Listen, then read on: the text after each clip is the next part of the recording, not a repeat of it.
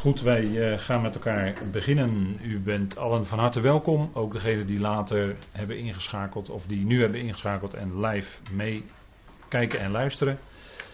Allemaal van harte welkom bij deze studie Colossensen. En we gaan met elkaar zometeen de versen lezen waar we vanavond naar gaan kijken. En uh, dat wil ik doen nadat we eerst met elkaar gebeden hebben. Vader, we danken u dat we ook zo deze avond van u mogen ontvangen. We danken u dat we weer bij elkaar gekomen zijn. Dank u wel voor ieder die hier kon komen vanavond. Dank u wel voor diegenen die op afstand meekijken en luisteren. We danken u daarvoor. Wilt u ons hart raken door het woord van u, Vader? Mag het zijn tot opbouw van ons geloven. Vader, we, ons gebed is altijd dat het mag zijn tot uw eer. En wilt u daartoe leiden door uw geest. Dat het mag zijn dat wat we willen Vader, we danken u voor dat woord wat centraal staat en dat een geweldig evangelie ons brengt. Dank u wel dat het ook een geweldige verwachting schept voor ons allen. We danken u dat ook het niet alleen beperkt is tot degenen die nu geloven, maar dat uw redding, de verzoening, zijn weg zal vinden naar ieder hart in dat ganse Vader. En hoe groot dat is, dat weten we niet. Maar het gaat om vele, vele schepselen ook, de onzichtbare. Naar uw woord zijn die ook daarin betrokken. We danken u daarvoor dat u ons als gemeenteleden roept om daarbij betrokken te zijn bij dat heilsplan wat u heeft voor heel de schepping.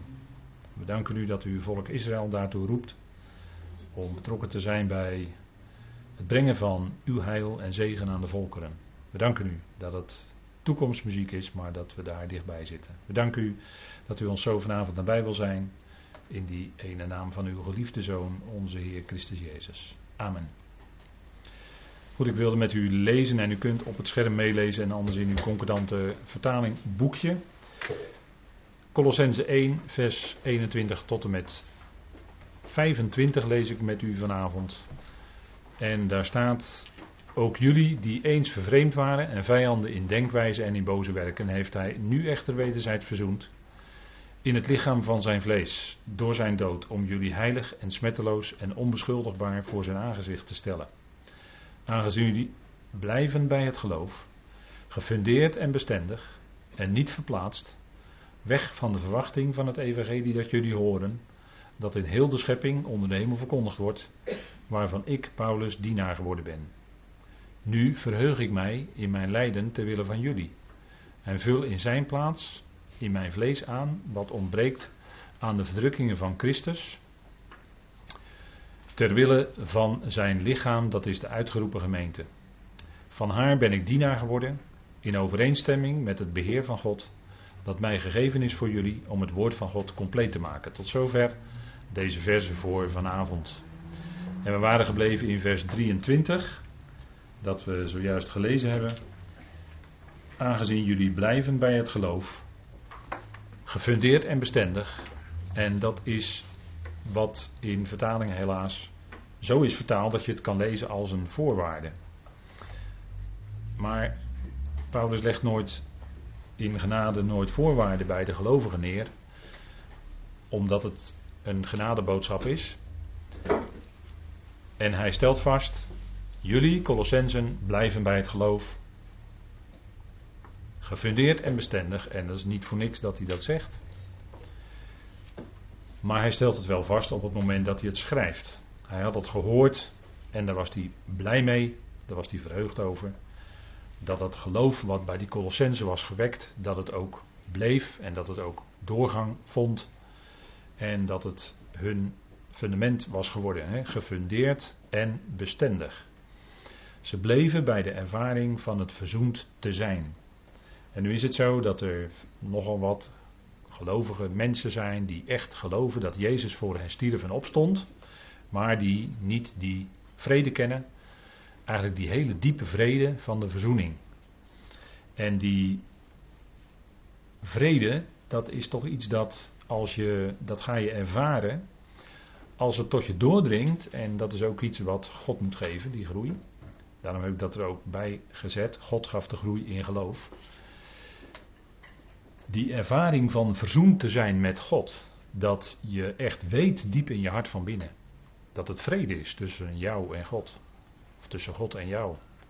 En dat je verzoend bent en dat daar niets tussen kan komen. Die ervaring, die blijvende ervaring, dat is ook vandaag aan de dag niet bij alle gelovigen het geval. Dat neemt niet weg dat ze wel gered zijn en lid zijn van het lichaam van Christus.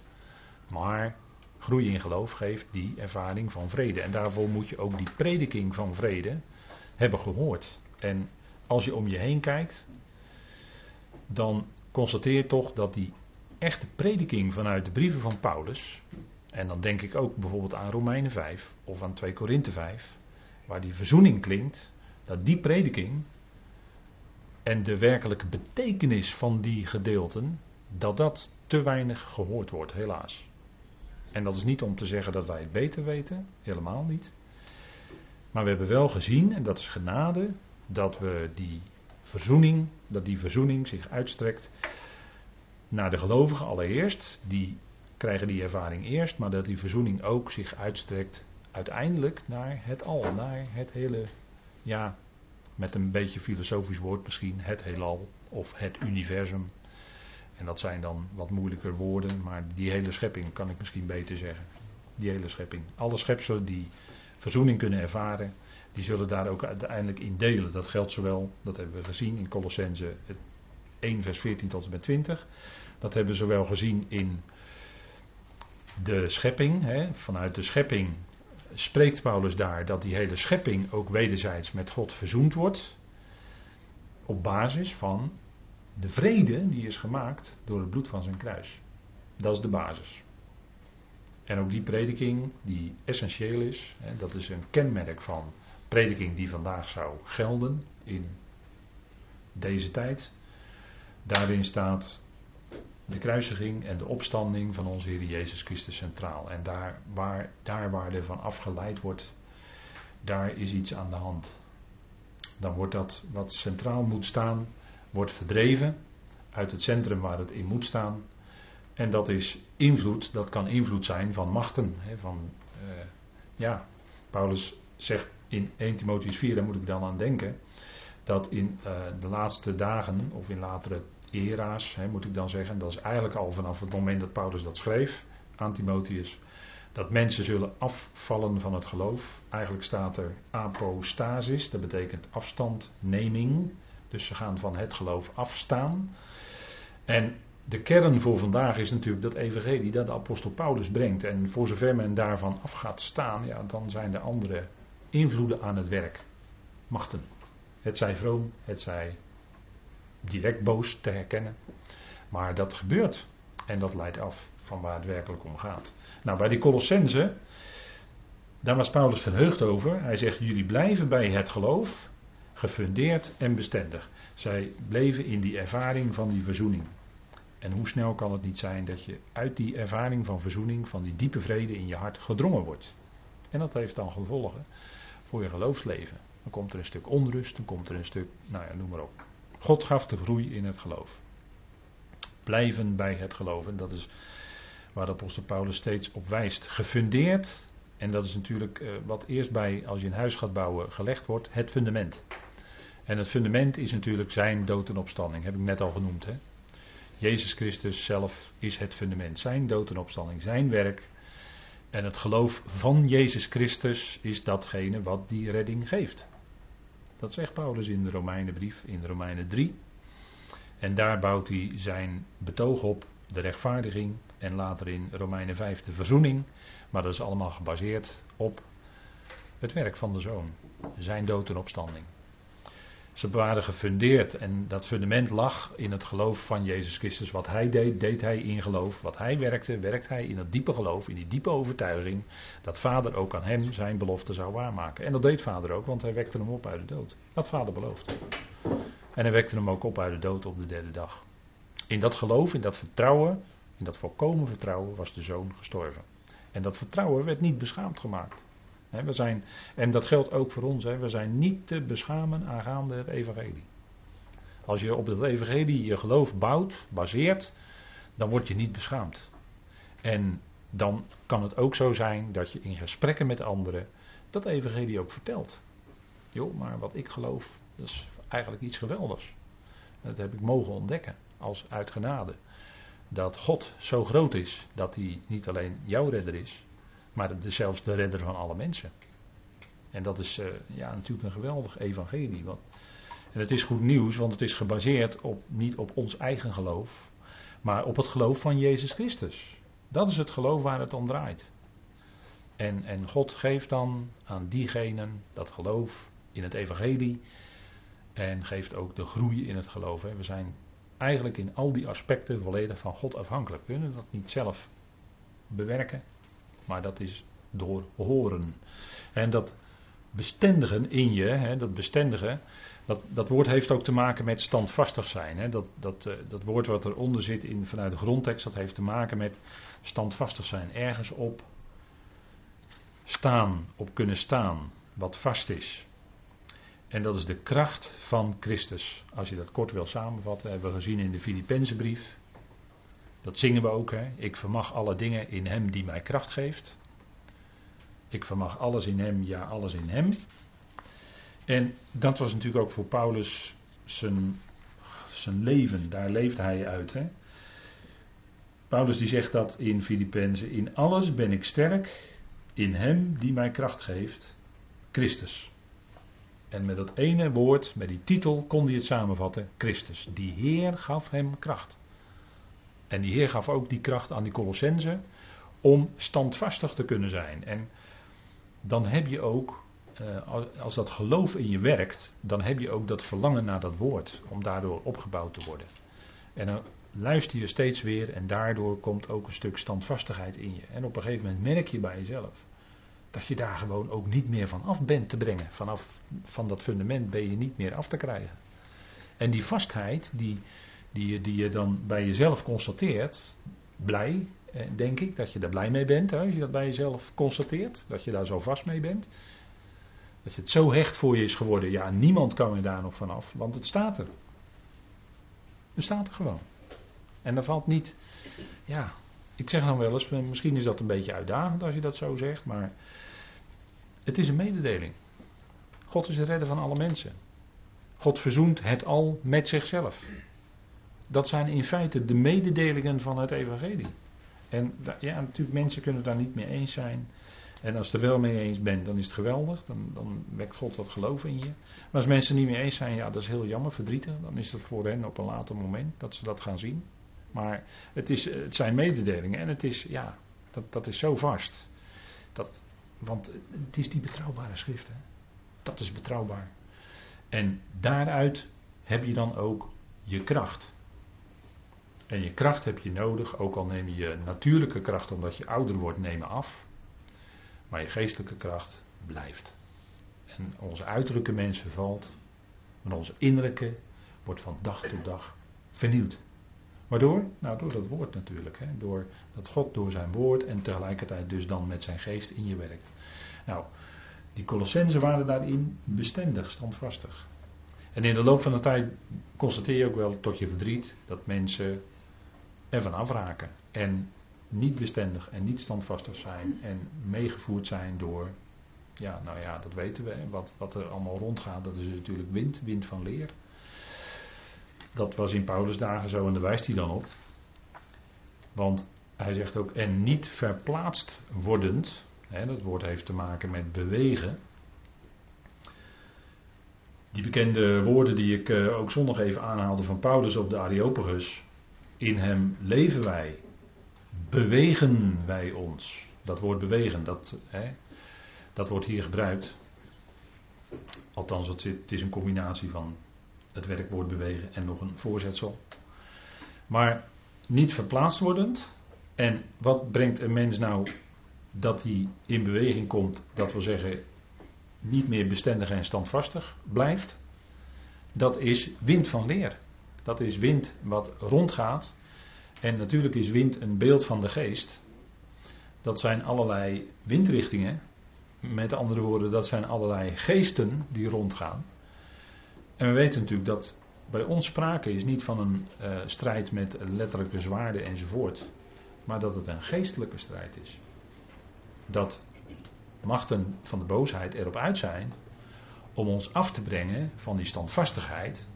Net zoals de tegenstander bij de Heer hem in verzoeking wilde brengen en dingen wilde laten doen, waarvan hij zei: nee, er staat geschreven. En dan heb je gelijk het antwoord, hè? Bestendig, standvastig blijven, kan andere leringen op je afkomen, of mensen kunnen in een discussierend gesprek met je allerlei andere dingen aanhalen, en dan kan je het beste antwoorden met: nee, er staat geschreven. En dat is dan ook je vastheid. Dat is je daarin, dat is je, daarin ben je dan standvastig. En wat, wat bij, wat bij eh, mensen gebeurt, dat is toch vaak een teken van dat ze, dat ze uh, heen en weer uh, waaien met allerlei wind van leer. Als we Efeze 4 er heel even bij pakken.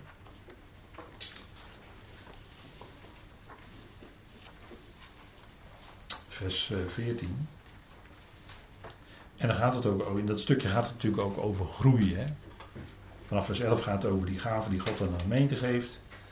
Evangelisten, herders, leraars. En dat is tot aanpassing van de heilige tot dienstwerk, tot opbouw van het lichaam van Christus. En dat is natuurlijk ook, tot opbouw wil zeggen ook dat die leden, dat die ook standvastig blijven. Dat die bestendig blijven bij datgene wat onderwezen is. Daarvoor zijn ook evangelisten en leraren natuurlijk geroepen om dat te doen. En in vers 14 staat dan, opdat wij geen onmondigen meer zijn, zwalkend en meegedragen door iedere wind van leer in de grilligheid van de mensen, door list, om de stelselmatigheid van de dwaling, en hebben dun gedrukt erbij gezet, te bewerken. Nou, dat, dat, is, dat is een beetje de gedachte die zich dan opdringt. Hè. Maar het is tot stelselmatigheid van de dwaling. En die is verwoord in de tradities van de mensen. die tradities die worden stelselmatig doorgegeven. En die blijken in de praktijk een sterkere grip op mensen te hebben, op christenen te hebben, dan Gods woord zelf. Want zodra je aankomt met Gods woord wat het werkelijk zegt, dan krijg je ja maar, er wordt gezegd dat. Of ja maar, men zegt. Hè? En dan komt eigenlijk niet Gods woord, maar dan komt de traditie. En een kenmerk is dus kennelijk van onmondigheid, zoals Paulus dat het hier zegt in vers 14, dat je heen en weer geslingerd wordt door allerlei wind van leer. En je hebt van die mensen die de ene keer zijn ze daarmee bezig en de andere keer zijn ze daarmee bezig. En Paulus zegt, dat het een kenmerk is nog van onmondigheid. Je denkt dat overal, hè, als, er, als er het stempeltje christelijk op staat, dat het dan wel goed is, want het komt uit de Bijbel. Maar dat hoeft helemaal niet zo te zijn natuurlijk. Het kan ook best zijn dat het ernaast zit. En we hebben toch in de loop van de jaren geleerd dat het vaak heel nauwkeurig luistert om dat woord te volgen. Andere leringen. En die brengen ook verdeeldheid. Want Paulus spreekt in de eerste Korinthebrief natuurlijk over onmondigen die nog geen vast voedsel kunnen verdragen, maar die zijn nog bezig met de melk van Gods woord, met de eerste beginselen om het zo maar te zeggen. En als je vast voedsel tot je neemt, ja, dat, dan moet je al eerst een zekere groei hebben doorgemaakt en dan moet je dat vaste voedsel leren verdragen. En naarmate je dat meer verdragen hebt, ga je meer verdragen en groeien en word je steeds standvastiger. Dus punt is dat daar waar men onmondig is, daar is ook verdeeldheid. Dat was ook in die gemeente van Korinthe aan de hand. Paulus die moet tegen ze zeggen, jullie zijn nog onmondig, jullie zijn nog vleeselijk, want jullie zijn verdeeld. Dat is een, dat is een uiting ervan, verdeeldheid. En naarmate je groeit, is er meer sprake van het uitleven van de eenheid van de geest, waar Paulus mee begint in Efeze 4 als het gaat om onze wandel, dat we die eenheid van de geest zouden bewaren met de band van de, daar heb je het weer, vrede, verzoening.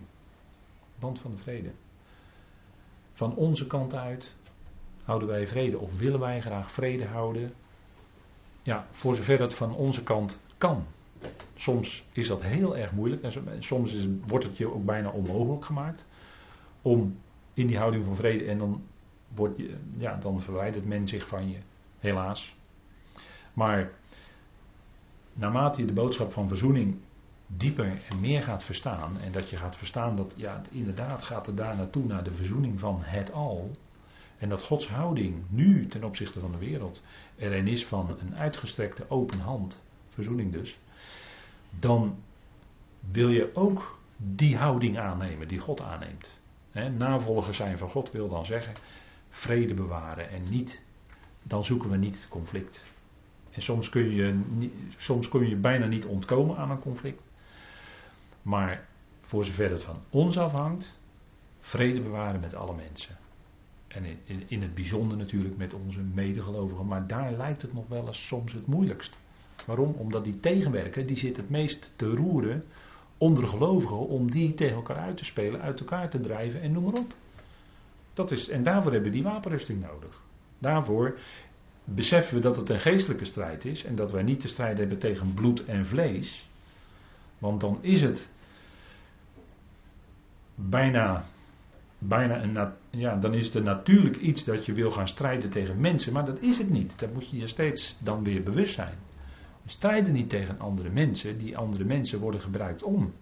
Die tegenwerker gebruikt die andere mensen om jou te treffen. En het punt is dat dat dan, die verdeeldheid, hè, dat tegenwerken wil niets liever dan dat er verdeeldheid is onder gelovigen. Want verdeeldheid, dat maakt zwakker natuurlijk. Hè. Verdeeldheid verzwakt. En eh, dat, dat zei de Heer Jezus natuurlijk ook al tegen zijn volk. Dat eh, als, een, als een huis onderling verdeeld is, ja, dan, dan verzwakt het. En dan eh, staat het op, de, op de nominatie om over een tijdje in te storten. Want, want er is, hè, het brokkelt allemaal af door die verdeeldheid. En standvastig zijn, niet verplaatst worden van het evangelie. Daar, de reden waarom Paulus daar blij mee is dat hij dat, dat, hij dat zag bij die Colossense, daar komt hij ook wel mee in Colossense 2. Want daar gaat hij nadrukkelijk spreken over de invloeden van filosofie en religie.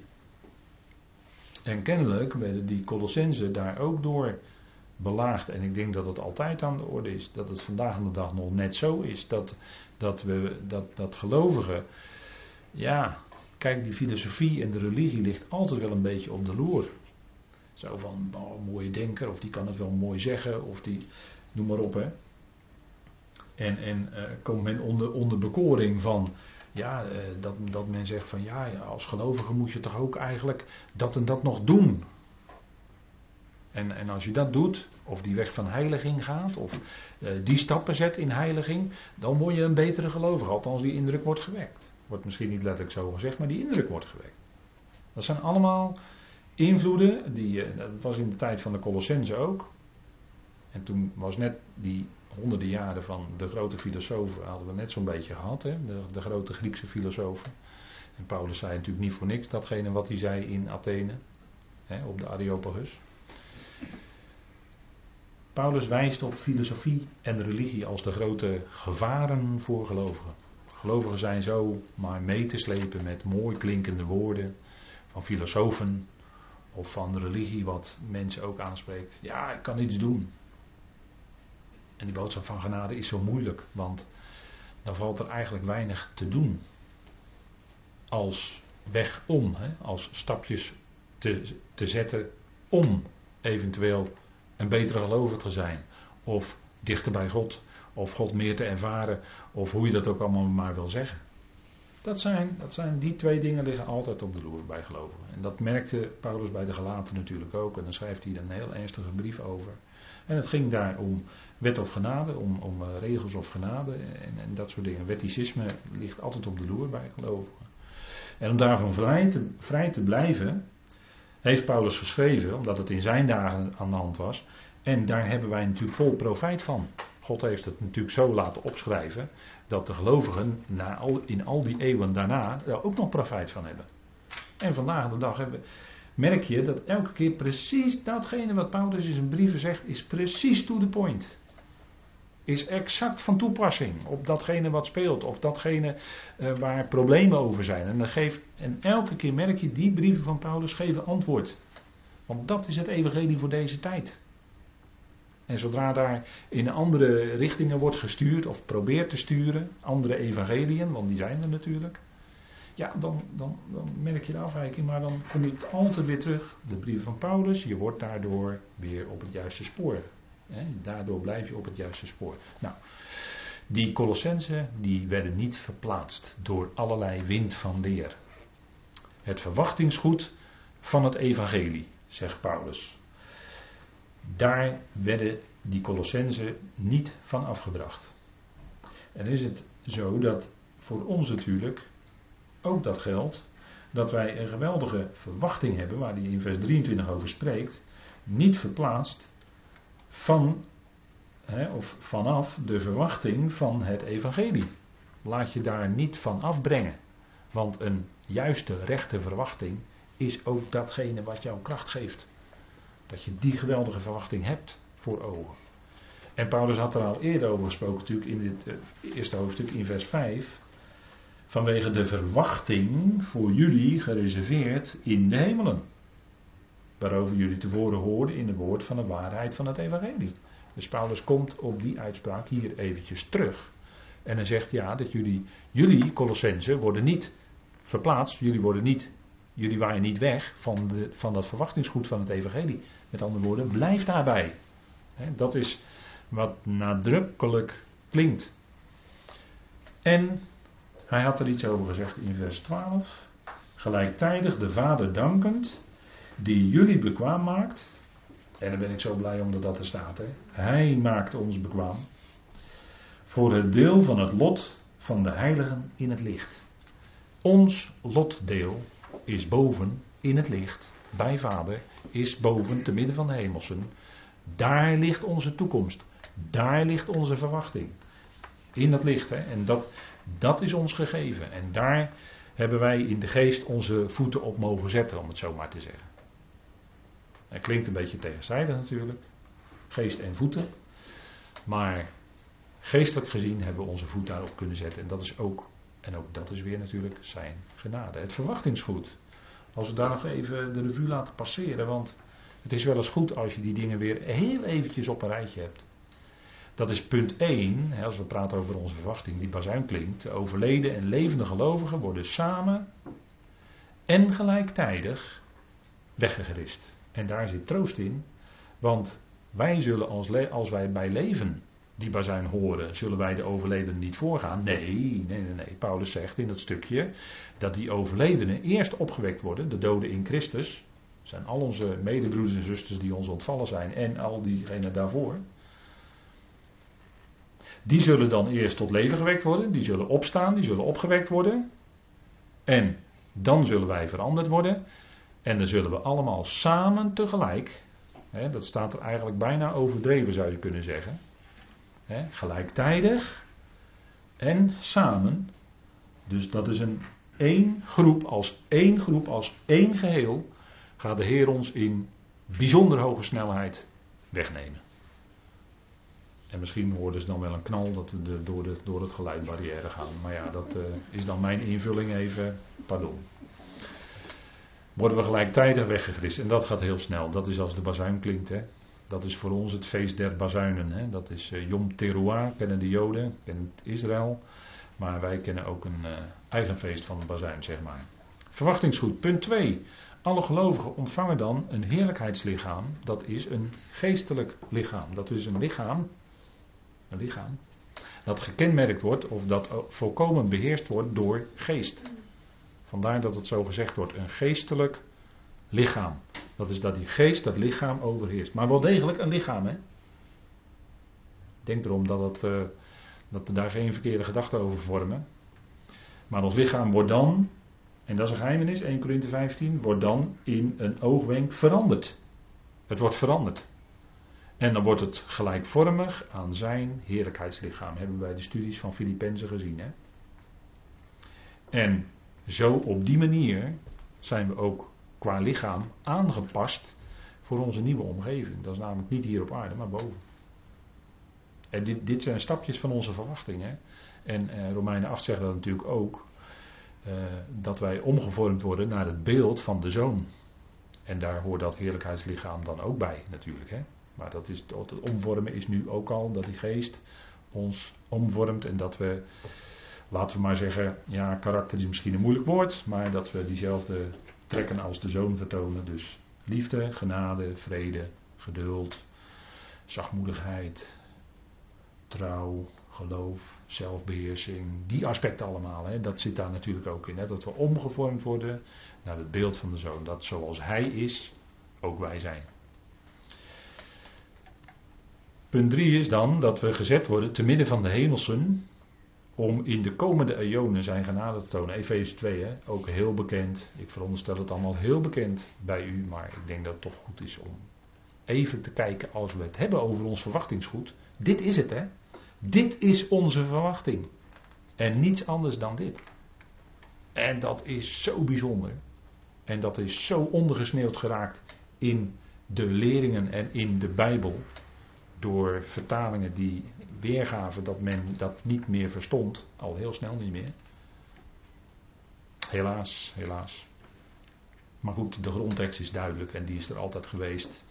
En die is gelukkig weer goed op tafel gekomen. Maar God heeft ervoor gezorgd dat hij altijd bewaard is gebleven. Betrouwbaar is overgeleverd. En dan zijn er wel eens details waarvan je zegt van nou, dat kan wel eens iets anders liggen. Of dat kan wel eens later toegevoegd zijn. Zeker. Maar dat blijkt dan ook vanzelf. Dat blijkt vanzelf. En dat is uh, goed dat daar ook onderzoek naar gedaan wordt. Maar dit is gezet te midden van de hemelsen. Komende eonen meervoud. Zijn genade tonen. Mogen we aan die hemelingen verkondigen wat God aan ons, aan zijn genade heeft gedaan. Dat mogen we dan aan hen doorgeven. En we zullen dan ook met hen kunnen communiceren. Dat is ook natuurlijk wel bijzonder dat we met hemelingen dan hemelse machten en krachten kunnen communiceren. Hoe dat in zijn werk gaat, vraag het mij niet. Want wij communiceren hier van mens tot mens. Dus uh, het is in ieder geval wel, wij weten wel dat woorden ook een bepaalde geest in zich dragen. Dus dat heeft wel een geestelijk aspect. Hè. Een woord heeft altijd een geestelijk aspect, zit daarachter. Hè, een woord is drager van geest. En ja, misschien wel toch doordat wij uh, dingen kunnen vertellen, maar dan met hun taal op een of andere manier, wie weet. Maar ik heb geen idee wat hun taal dan zou zijn. Ik zou het, ik zou niet weten. Maar in ieder geval, dat is wat we mogen gaan doen. En dat is wel heel bijzonder natuurlijk. Hè. Een veelkleurige, veelvuldige wijsheid. Die wordt nu al bekendgemaakt. Maar dat zal straks dan in volheid doorgaan. En ons verwachtingsgoed is dat wij dus meewerken. Want we worden gezet te midden van de hemelse. En dat heeft een bedoeling dat maakt Paulus ook bekend in zijn brieven, dat wij het al onder dat ene hoofd Christus gaan brengen. Daar mogen wij aan meewerken. En hij verleent daartoe zijn geest en zijn kracht aan ons. Zijn geest, namelijk zijn kracht aan ons om dat te kunnen doen. Het al gaan we meehelpen brengen onder het ene hoofd Christus, dat is Efeze 1 vers 10. Hè? We gaan meewerken aan het completeren van het al. De gemeente is het complement van de Christus. En Christus completeert zelf het al, staat in Efeze 1, vers 23. Hè. Dat betekent dat de gemeente, met hem als hoofd, gezamenlijk met hem, hij doet dat niet zonder ons, zorgt dat het, het al, dus dat is de, de hele schepping, dat die gecompleteerd wordt. Dus al wat ontbreekt, wordt dan toegevoegd. Dat betekent completeren. Er ontbreekt iets en er wordt het complement toegevoegd. Het ontbrekende wordt erbij gedaan. Dat is completeren. Dat zullen wij doen. En als nog ontbrak hier en daar aan prediking van verzoening, dan zullen wij dat gaan prediken.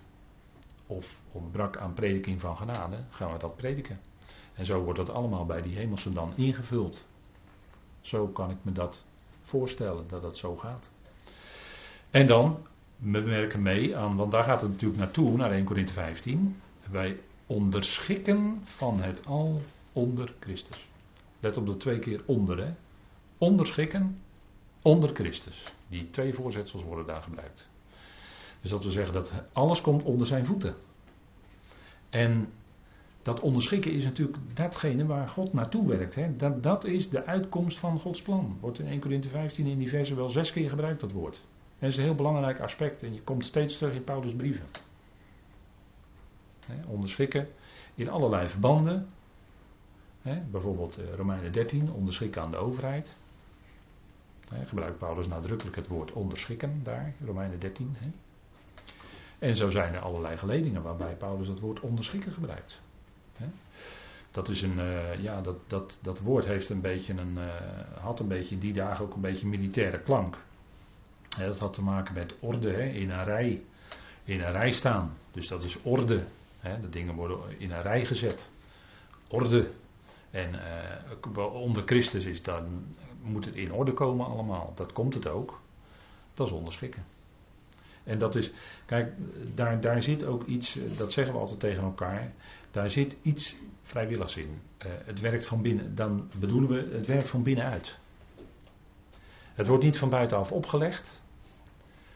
Maar we worden ertoe geroepen. We worden ertoe opgeroepen door het evangelie. En als dat in je werkt, dan wil je ook van binnenuit onderschikken. En dan zeg je, waar komt dat vandaan? Nou, dat is die geest weer die in je werkt. Dat doe je niet vanuit jezelf. Maar die geest werkt dat in je uit. Ja, ik wil me onderschikken. En, en, en dat is waar God naartoe werkt, hè, in, in zijn plan. En dat is ook het grote misverstand over de. Over de, over de, de eigenlijk is het een titel, hè, God, in de schrift. Hè, dan, de Hebreeuwse uitdrukking is natuurlijk al. Met punctuaties van de Mazoreten zeggen we eel. Maar dan gaat het om, eigenlijk om onderschikken. Want dat, dat woord, dat wordt wel vaker ook, dat woord wordt ook als een voorzet gebruikt in het Hebreeuws. En dat betekent dan dat het ergens naartoe werkt. Of ergens, uh, ja, ergens, dat het ergens ondergaat. Eh, of ergens naartoe gaat in de zin van het, het, het, gaat, er, het gaat eronder staan. En dat heb je ook in het Griekse begrip. Dat weet u, dat is plaatser. God is eigenlijk plaatser vanuit het Grieks. Dat wil zeggen, hij geeft aan die schepselen de plaats. Hij zorgt dat ieder de juiste plaats krijgt. Israël, de gemeente en al die schepselen verder in zijn plan. God is de plaatser. Hij geeft ieder zijn plaats. En als je daarop gaat letten en op die manier de Bijbel gaat lezen, dan ontdek je dat elke keer precies op het juiste plaats staat het woord God. Precies op de juiste plaats staat het woord Vader, wat een heel ander begrip is. God is tegelijkertijd ook onze Vader, maar dat zijn twee totaal verschillende uh, ja, wat moet ik zeggen, twee totaal verschillende dingen die dan opgeroepen worden. Maar elke keer, en ontdek je ook in, in Tenach, als het woord al of Eloah of Aloeim wordt gebruikt, wat een meervoudsvorm is, maar dan staat het steeds exact op de juiste plaats. En dan moet je afvragen waarom staat het er. in onze vertalingen helaas is het allemaal wegvertaald en allemaal is daar voor God ingevuld. Heel jammer. Heel jammer, vind ik altijd nog een gemiste kans bij de vertalingen. Maar en dat geldt natuurlijk ook voor eh, Yahweh. En als Yahweh dan hè, de naam van God, ik ben, als dat in combinatie wordt gebruikt met, uh, met al, dan, of met Alueim vaak, dan is daar die combinatie. En, en ja, dan zit daar eigenlijk zoveel achter en zit daar zoveel in. Maar uit die titels die vader heeft, hè, in, in, in zijn plan van eonen, uh, al, hè, dus de, de onderschikker zeggen we dan, en de plaatser, daarin zit al vervat zijn werk binnen zijn plan van eonen, wat hij doet.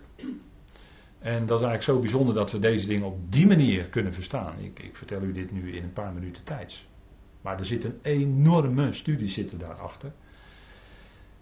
En eh, echt met conscientieuze bestudering van alle teksten.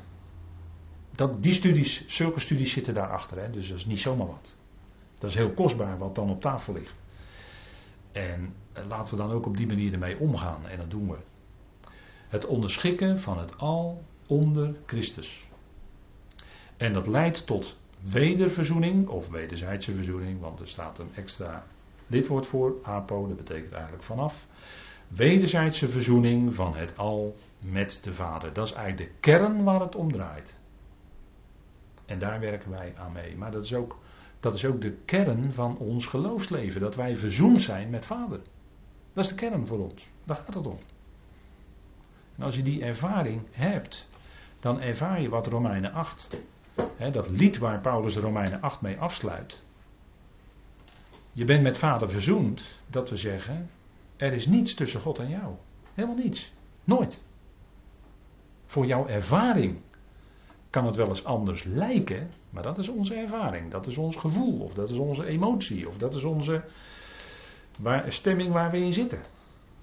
Maar totaal onafhankelijk van al die dingen die ik net noemde. Er is niets tussen God en jou. De waarheid is dat Gods liefde je altijd omringt. En je kan daarvan ook niet loskomen. Je kan ervan niet loskomen.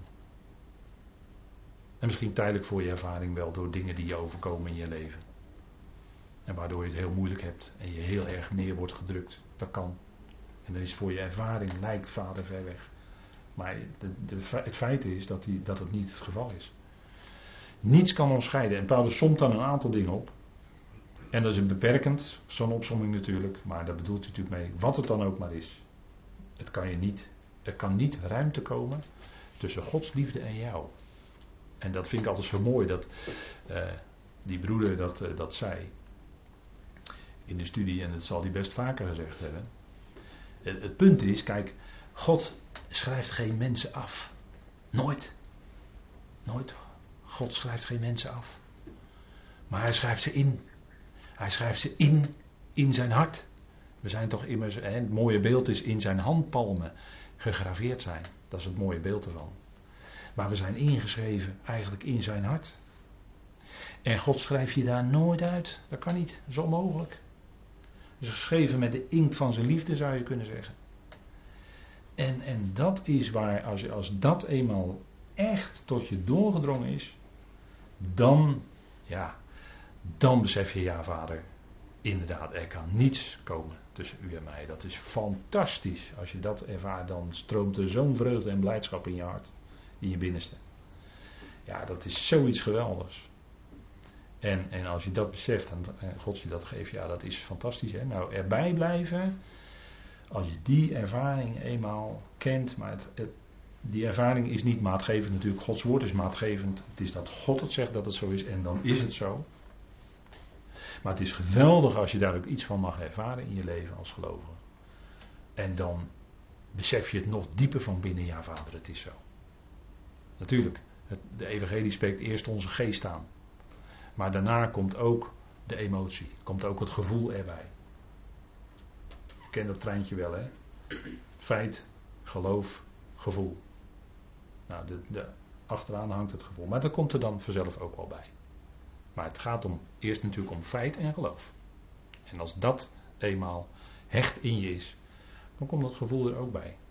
Dan heb je ook die emoties van blijdschap en vreugde dat je het evangelie mag kennen. Timotheus was iemand die daar, uh, ja, die daarin meewerkte, die daarin meeging. Hè. Dat uh, wordt ook als uh, voorbeeld voor ons gesteld, Timotheus. Wordt een voorbeeld voor de gelovigen. zegt hij in 1 Timotheus 4, 1 Timotheus 4, Laten we dat heel even erbij pakken. En Timotheus was toen nog jong. Hè, tweede Timotheus brief was Timotheus inmiddels ook al een stukje ouder. Dat kan je ook wel merken aan hoe Paulus schrijft. Maar in 1 Timotheus 4 is hij nog relatief jong. En dan zegt Paulus een aantal hele ernstige dingen. Waarvan ik al iets heb aangehaald in, uh, vanaf, vanuit vers 1. Hè, dat uh, sommigen in latere era's. Sommigen zullen afvallen van het geloof. Hè, afstand nemen van het geloof en zich zullen wenden tot misleidende geesten en leringen van demonen, zonder dat ze zich dat bewust zijn. Maar mensen, ook gelovigen, het gaat hier om gelovigen, die worden meegevoerd door nog, nog moet ik zeggen, dat gebeurt nog wel eens, door leringen van demonen. Demonen. Dat zit al in het woord vervat. Hè? het woord demon heeft ook al te maken met iets wat geleerd wordt. Dat zit in het woord demon. Dus, dus altijd komt er een leer bij. Waardoor mensen wegschieten en niet, niet, niet bestendig zijn. En dan zegt Paulus tegen Timotheus in uh, vers 6 van hoofdstuk 4. Als u de broeders deze dingen voorhoudt, zult u een goed dienaar van Jezus Christus zijn, gevoed door de woorden van het geloof. En de uitstekende leer staat er dan eigenlijk, die je nagevolgd bent. Maar verwerp de onheilige en onzinnige verzinsels en oefen u zelf in de godsvrucht. Dat is wel een belangrijk punt, denk ik. Als we het hebben over die bestendigheid, die standvastigheid. Oefen jezelf in de godsvrucht. En dan is de oefening van het lichaam tot weinig nut. En die kan ik me ook aantrekken, want ik hou erg van fietsen. Maar het belangrijkste is, de oefening van het lichaam, of de, het belangrijkste is, de godsvrucht is nuttig tot alle dingen. Dus we zouden ons oefenen in de godsvrucht. En dat is iets wat, want dat is iets wat nuttig is tot alle dingen. en lichamelijke oefening is niet verkeerd. En er wordt het woord gym, gym, gymnastiek gebruikt bijna in het Grieks. Maar de godsvrucht, zegt Paulus, is nuttig tot alle dingen. Want ze heeft een belofte in zich, zowel voor het tegenwoordige als het toekomende leven. Zodat je nu al het eonische leven ervaart. Hè? Daarom zegt Paulus tegen Timotheus in het zesde hoofdstuk: Grijp het eonische leven. Huh? Had hij dat dan nog niet? Jawel, had hij wel. Maar hij bedoelt in de praktijk. Ga, leef vanuit dat eonische leven wat je al hebt ontvangen als genadegeschenk. Dat is natuurlijk een beeldspraak, maar grijp dat, zodat je nu al ervaart wat je in de toekomst ten volle zult ervaren. Want de godsvrucht is nuttig tot alle dingen. En bij mensen gebeurt het nog wel eens dat ze eerst enthousiast zijn over Gods woord, Bijbel open, luisteren. En op een gegeven moment vervlakt dat luisteren. Gaat Gods woord niet meer open. En is het een boek wat staat dicht in de boekenkast. Dat gebeurt bij gelovigen. En dat is zo jammer. Want het punt is, als je oefent in de godsveur, dat wil zeggen, dat is dat woord erbij pakken, dat woord open doen. En je ook afvragen, ja heer, en dat, dat heeft dan ook consequenties voor mijn leven, voor mijn praktijk. Dat, en naarmate je dat woord tot je neemt, dan komt er ook iets in je van, ja, dat wil ik ook leven. Wil ik uitleven. En dat, dat dringt in je ook aan om zo te willen leven. Dat is het punt, hè? En dat is die godsvrucht. Dat is niks, daar is niks vrooms aan. Maar dat is dat je, ja, dat je wil leven op God gericht. Met je in je dagelijks leven. In alle facetten. En dat, dat is natuurlijk ook een, een toenemen, een groei. En daarom zegt Paulus tegen uh, Timotheus, oefen jezelf in de godsvrucht. En dan zegt hij natuurlijk net zo tegen u en mij. Dat geldt voor ons allemaal natuurlijk. He, dat, dat, eh, daar wijst Paulus ons dan op. Want het heeft een belofte in zich. En die belofte maakt God waar. Zowel voor het tegenwoordige als voor het toekomstige leven. Goed, we pauzeren even met elkaar. Dan gaan we straks verder.